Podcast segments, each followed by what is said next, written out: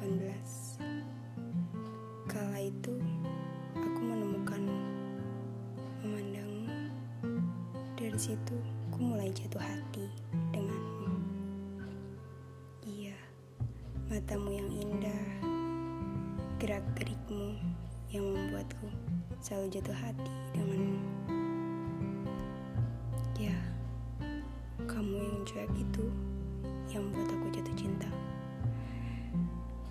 Tak terasa ya, sudah 2019 dan di bulan November.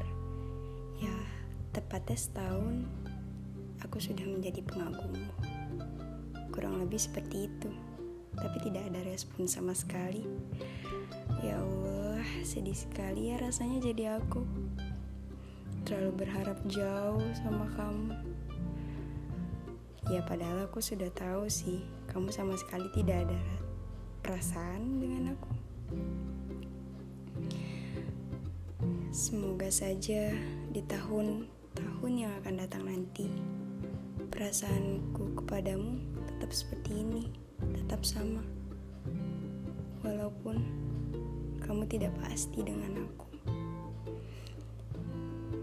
Semoga saja entah itu kapan kita bisa bersatukan.